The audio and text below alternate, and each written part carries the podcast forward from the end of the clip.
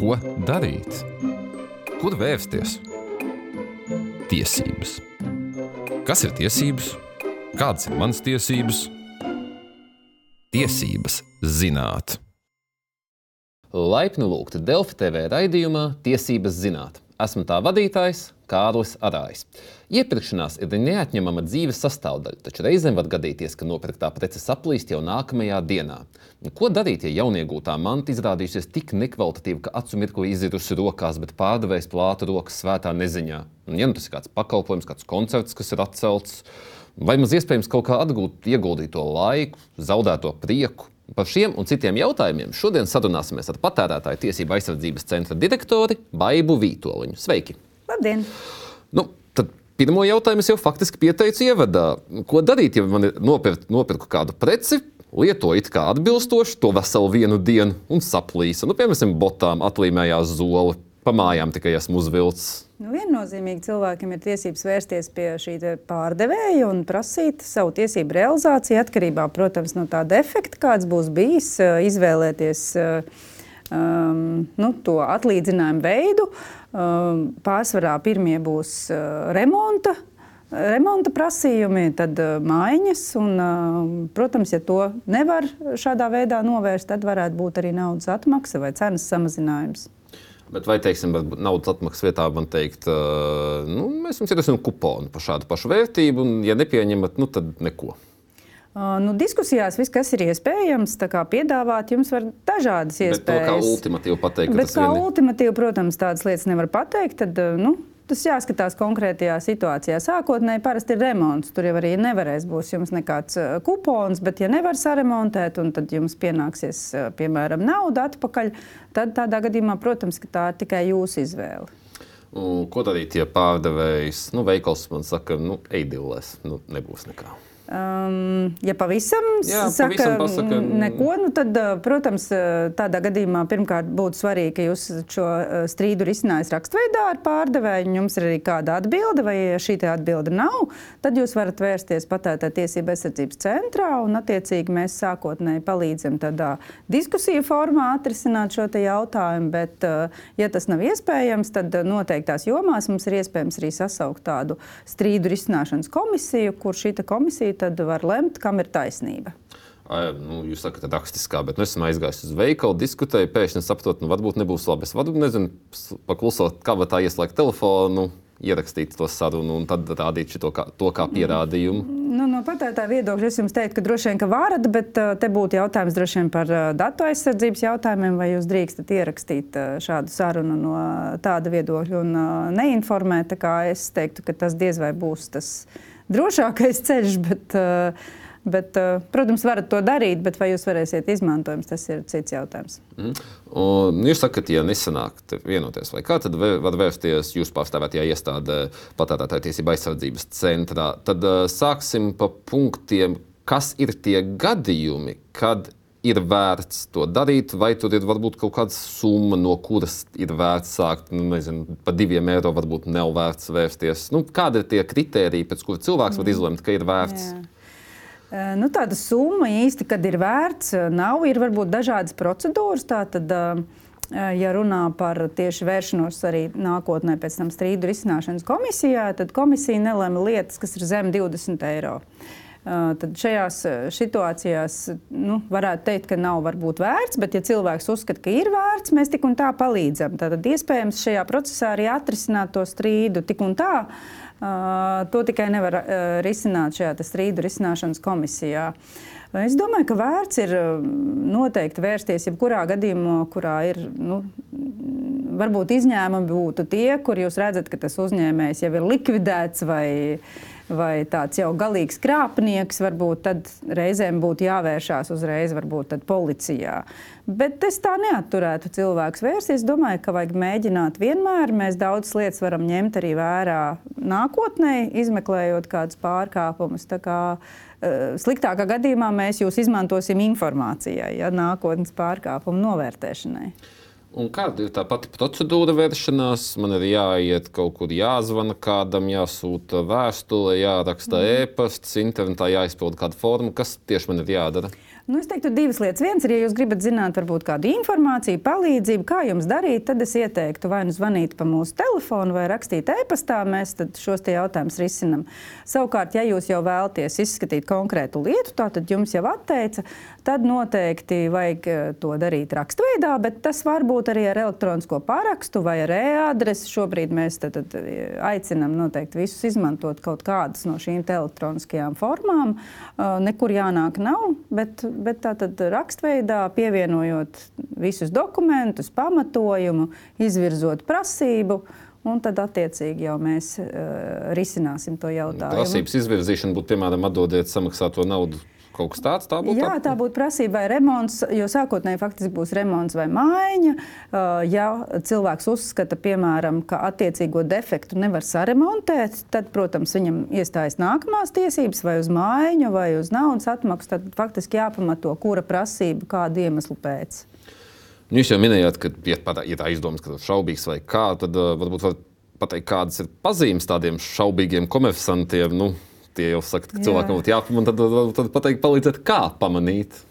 Nu, mēs diezgan daudz arī mājaslapā cenšamies informēt cilvēkus. Tad viena lieta ir noteikti varat izmantot mūsu melno sarakstu, kuri ir tie uzņēmumi, kuriem mēs esam strīdu risināšanas komisijas ietvaros, ir lemts par labu patērētājiem, bet šie lēmumi nav izpildīti. Tātad jau šajā sarakstā jūs varat redzēt, ka citiem patērētājiem šis komersants nav nav, nav izpildījis. Bet tas pat vairāk būtu izmantojams īstenībā pirms pirkuma izdarīšanas, nekā jau tajā nu, brīdī, domāju, jā. kad jums ir problēma. Jā. Nu, tad noteikti ir arī mēs cenšamies informēt dažādi ar, ar preses relīzēm vai, vai tam līdzīgi. Ir ik pa laikam, diemžēl, tādi.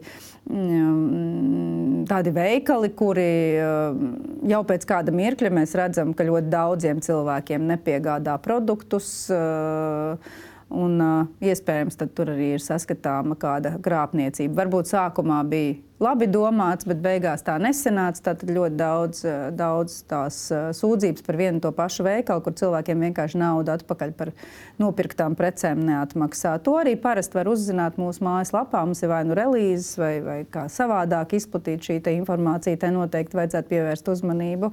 Un arī faktiski pirkumus izdarot, mēs noteikti aicinām cilvēkus to internetā kādu pētījumu veikt, paskatīties vienkārši ar meklētāju vai nav sūdzības par šo uzņēmumu, jo par lielāko daļu jūs varat atrast šo informāciju internetā iepriekš. Noteikti pievērst uzmanību internetu veikalā kontaktiem, ar ko jūs slēdzat līgumu, vai tas ir um, sijā, lai jūs redzat, ka tas ir norādīts. Jo, uh, Ļoti daudziem, kas varbūt būs netie godīgākie, tur nebūs norādīti kontakti. Tas jau ir, ir tāda pazīme, kad, kur tad jūs pēc tam vērsīsieties. Likums nenosaka, ka būtu jānorāda kontakti. Likums nosaka, ka ir jānorāda kontakti. Tieši tāpēc mēs tam arī vēršam bet uzmanību. Es redzu, ka nav, es kaut kur varu ziņot par to, ka es redzu. Jūs varat noteikti arī mums ziņot par to, bet, protams, ka jāsaprot, ka veikali un, un mājaslapas ir tūkstošiem, un, protams, ka mēs visas nevaram nokontrolēt, tāpēc arī tā ir viena no pazīmēm cilvēkiem. Uh, ka, ja jūs to nevarat atrast, tad noteikti nevajag šādus darījumus veikt. Jo nereti mēs arī saņemot sūdzības, redzam, ka mēs pat no tiem materiāliem nevaram izsacināt, ar ko jūs vispār esat noslēdzis līgumu, pat reizēm valsti. Ir pagrūti noskaidrot, vai tas ir pārobežu vai lokāls darījums. Jo, jo tas, nu, tie dokumenti ir tā nu, dīvaini noformēti. Jūs skaitat uz kaut kādiem PayPal kontiem, nesaprotamiem. Cilvēkiem vajag pievērst uzmanību šiem darījumiem pašiem. Arī viņi tā ļoti var sev pasargāt paši. Jūs minējāt, ka Melnajā sarakstā ir komersanti, kas nav pildījuši tos nolēmumus. Kādas viņiem ir sekas no, gan A no atrašanās Melnajā sarakstā, gan B no tās nolēmuma nepildīšanas? Vai mm -hmm. tas, ka viņi nepilda, nozīmē, ka tas cilvēks nu, tomēr paliek principā bešā? Jā, diemžēl to tas nozīmē, bet uh, tas galvenais sots, kas ir, ir tieši šī atrašanās melnajā sarakstā. Un tāpēc arī mēs veicinām, lai cilvēki tomēr skatītos šo melno sarakstu un attiecīgi ar savu uh, pirkuma varu, tātad nepirkt pie šādiem komersantiem, arī īstenībā sodīt komersantus. Uh, jo nu, tā būtu tā, tā, tas būtu tas galvenais mērķis, lai cilvēki to izmantotu, nepirktu tur, un tāpēc komersantiem nebūtu šāda attieksme pret patērētājiem. Lielākajai daļai jau nav tāda attieksme pret patērētājiem, bet šobrīd jāatzīst, ka Melnajā sarakstā ir gana daudz šo komersantu, kas nav pildījuši. Daži no tiem ir Mm, tādi, nu, kas jau ir krāpnieciskie uzņēmumi, ja šie, te, ko es minēju, internetu veikali. Tāpat, tur jau policija ir jāiesaista. Tā skaitā tur ir iesaistīta arī policija šajās lietās. Jā, pārsvarā gadījumu tad mēs arī policijā esam šo informāciju snieguši, un arī cilvēki tur ir vērsušies. Tāpat ir šie te, mm, koncertu organizētāji, ko jūs pieminējāt, kur koncerti nenotiek un pēc tam nevienmēr to naudu atmaksā. Nu, te ir dažāda, dažādas situācijas bijušas pēdējās, kas mums parādā, parādījušās. Nevienmēr būs varbūt krāpnieciski tie iemesli, bet sākotnēji problēma radīja pandēmijas radītie ierobežojumi, kuru dēļ komersantiem faktiski nu, tika liekta iespēja šos koncertus norganizēt. Protams, ka nauda līdz ar to nu, nu, viņa, viņa, protams, ir bijusi, bet eh, tev jau kādu laiku bija jādzīvo. Un, uh, pēc tam to radīja arī daļēji šie koncerti, kuri nevarēja notikt dēļ uh, dažādu Krievijas mākslinieku, varbūt nes, nevarēšanu atbraukt šeit. Un, jā, dēļ tā šie uzņēmumi faktiski nevar turpināt darbību. Līdz ar to, protams, arī neatmaksā naudu patērētājiem. Cik bieži tas sanāk iekļaut kādus nu, komersantus tajā melnajā sarakstā? Mēs runājam, nu, mēnesī divi vai nedēļā pieci vai dienā desmit. Nu, dažādi noteikti būs. Tad ir šie kolektīvie, es teiktu, mums katru gadu ir kādi, nu, kur daudz patērētāji katru gadu būtu kādi pieci līdz desmit. Uh, bet tie, kas individuālos lēmumus nepilda, minētu, ka šogad ir bijuši kādi 40, 50. Pērn tas būtu. Jā, jā 22. gadā. Jā. Mm -hmm. Uh, un vēl viena lieta, kas ir interesanti, ir, kā arī nu, mēs tikko runājam par firmām, par visu. Uh, kā arī es pērku kaut ko, teiksim, Facebook marketplace, SS.com, gribu nopirkt Playstation. Nu, nu, nu, nu tieku nesanāca. Uh, arī tad man jāvēršās. Es varu vērsties vispār pēc tā, vai labāk tad uzreiz uz policiju vai kā?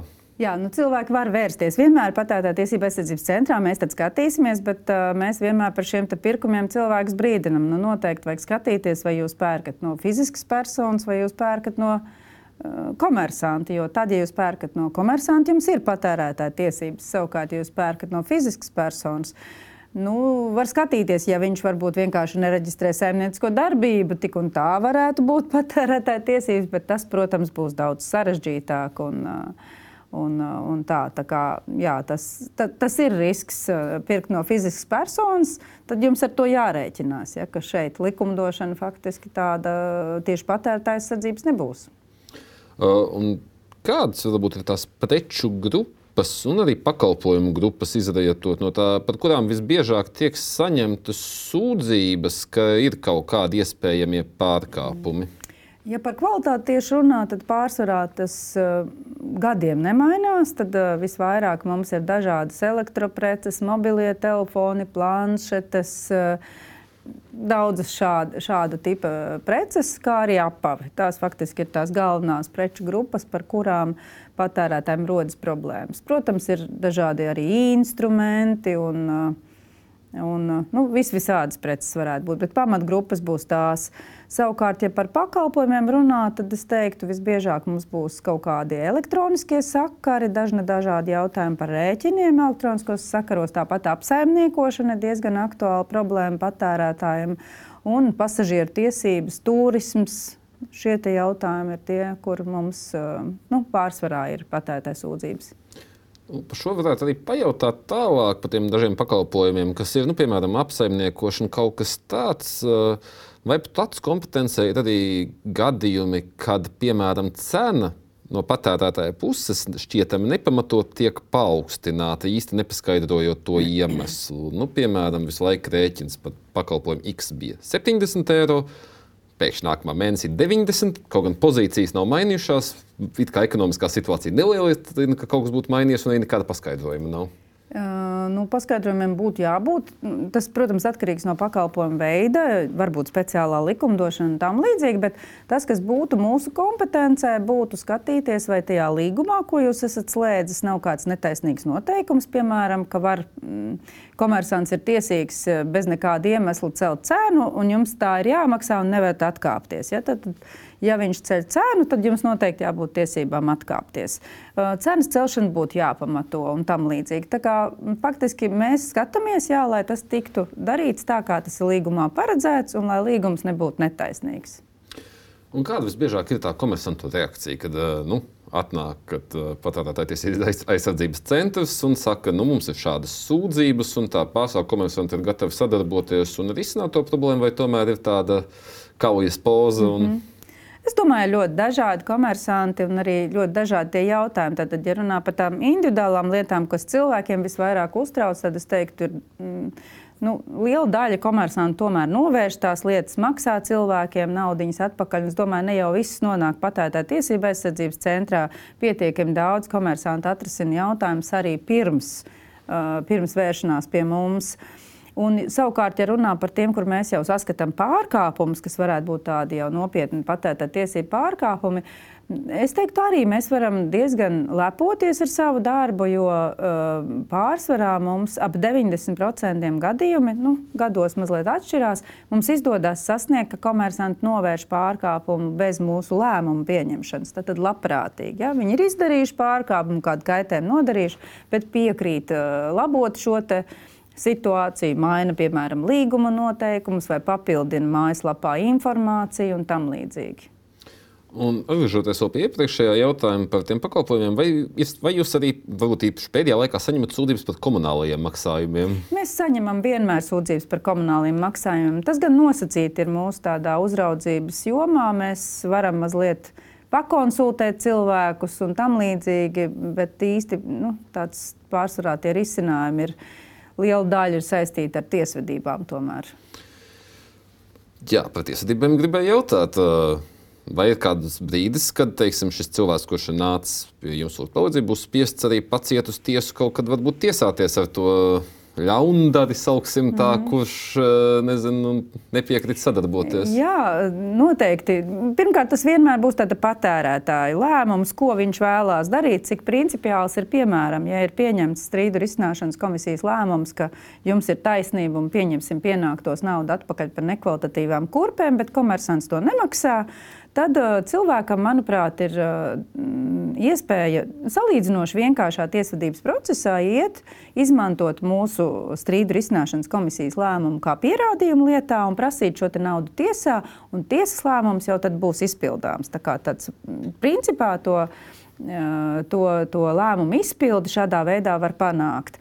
Un otra lieta var būt tāda grupa, kur cilvēkiem būs jāvēršas vienmēr tiesā, būs piemēram, ja um, Nu, ja tā prece būs um, piemēram elektroprece, un um, varbūt būs jau noticis kāds nopietnāks negadījums, un tā prece būs nodarījusi kaitējumu, nu, pieņemsim, uh, nodedzinājusi blakus esošo televizoru, tad uh, faktiski šie zaudējumi, ko prece ir radījusi, ja, tad tie būtu uh, savukārt arī jārisina uh, noteikti tiesvedības procesā. Arī jebkādi citi zaudējumi, ko cilvēks uzskata, ka papildus ir radījis, komersants tie arī vienmēr būs tiesvedības jautājums. Turisma pakalpojumos nereti patērētāji vēlās saņemt papildus atlīdzinājumu, jo viņam ir sabojāts brīvdienas vai tam līdzīgi. Jebkas, kas nav tiešie izdevumi, tas viss, protams, ir tikai un vienīgi tiesas kompetencē. Mēs visu laiku runājam par to, ka patērētājs ir tiešām visu darījis pareizi, tā, bet kuros gadījumos varbūt patērētājiem nav taisnība? Kas ir tie gadījumi, kad, piemēram, patērētājiem būtu jāpadomā, hei, varbūt tomēr nav jāiet. Man varbūt man nepārdeva sliktu preci, varbūt es slikti izturējos pret to preci. Kas ir kāda? Nu, es ir... domāju, ka pietiekami daudz tādu gadījumu, kurus mēs varbūt arī pat nevienmēr sākotnēji redzam, bet uh, izmeklējot lietu un redzot komersantu atbildi, mēs tomēr redzam, ka komersantam ir, uh, nu, ir taisnība. Nu, kā piemērs es varu minēt. Um, elektronisko komersantu, piemēram, rēķiniem. Cilvēks raksta, man nesniedz informāciju tur varbūt par kādām cenu izmaiņām, un uh, tagad man nodeva parādu piedziņā un tam līdzīgi, bet šo lietu izskatot, izrādās, ka gan informācija ir sniegta par cenas izmaiņām, tās ir pamatotas, bet cilvēks īstenībā nav maksājis vispār rēķinus nekādus. Tā skaitā atlaides dotas un viss kaut kas tam līdzīgs. Faktiski cilvēki nereti tomēr rakstot šo pirmo sūdzību, varbūt to, kas viņam ir nav izdevīgi pateikt, noklusē. Vēl varbūt tāds uh, interesants piemērs mums ir bijis arī situācija, kurā cilvēks prasa, mm, uh, nu, ka ir netaisnīgi, ka šajos kopējās uh, automašīnās, kur jūs izmantojat šo pakalpojumu, pēc tam jūs sasitat to mašīnu un jums prasa milzīgus zaudējumus, tiešām milzīgus. Uh, Uh, lietas izskatīšanas rezultātā izrādās, ka šis pārkāpums, uh, šis notikums ir noticis alkohola reibumā, ja, kas, protams, ir absolūti cita situācija un kas, teiksim, netiek pateikta šajos te, šajā, šajā te sākotnējā sūdzībā. Tā kā ir, ir, protams, ļoti svarīgi, ka mēs dzirdam arī otras puses viedokļus, un tādas situācijas ir, kad patērētājiem nav taisnība, protams. Mm, tuvojoties raidījuma noslēgumam, es vienmēr uh, uzdodu vienu jautājumu visiem viesiem. Tas būtu divdaļīgs. Pirmkārt, vai ir kaut kas, kas nav pajautāts un kas, jūsuprāt, būtu būtisks, un otrs ir zelta padoms. Un tas būtu tiešām tāds, kā varbūt mūsu skatītājiem, klausītājiem, nu, kaut kas, ko likt aiz auss saistībā ar viņu tiesībām kā patērētājiem. Um, zelta padoms. Nu, man liekas, ka zelta padoms vienmēr uh, būs cilvēkiem būt uzmanīgiem no patērētāja tiesība aizsardzības viedokļa. Ir svarīgi uh, neizdarīt nekādus lēmumus uh, ļoti lielā steigā, iepazīties, pārdomāt, vai tas pirkums tev ir uh, vajadzīgs, un tieši tas ir vajadzīgs, un nedaudz izmeklēt šo lietu pirms tā pirkuma izdarīšanas. Un arī otrs aspekts atcerēties, ka nekas, kas izklausās pārāk brīnišķīgi, nekad nav taisnība. Un tāpēc neticēt eh, pārmēru labiem piedāvājumiem un tādām varbūt neticamām lietām, eh, ļoti skaistām dāvanām, eh, tās bieži vien izrādās nepatiesas. Nu, šos, šīs nocerības beigšu teikšu jums paldies par mūsu sarunu. Uh, un, darbie skatītāji, ar jums tiksimies jau pēc divām nedēļām. Un atcerieties, Mums visiem ir tiesības zināt savas tiesības. Atā! thank you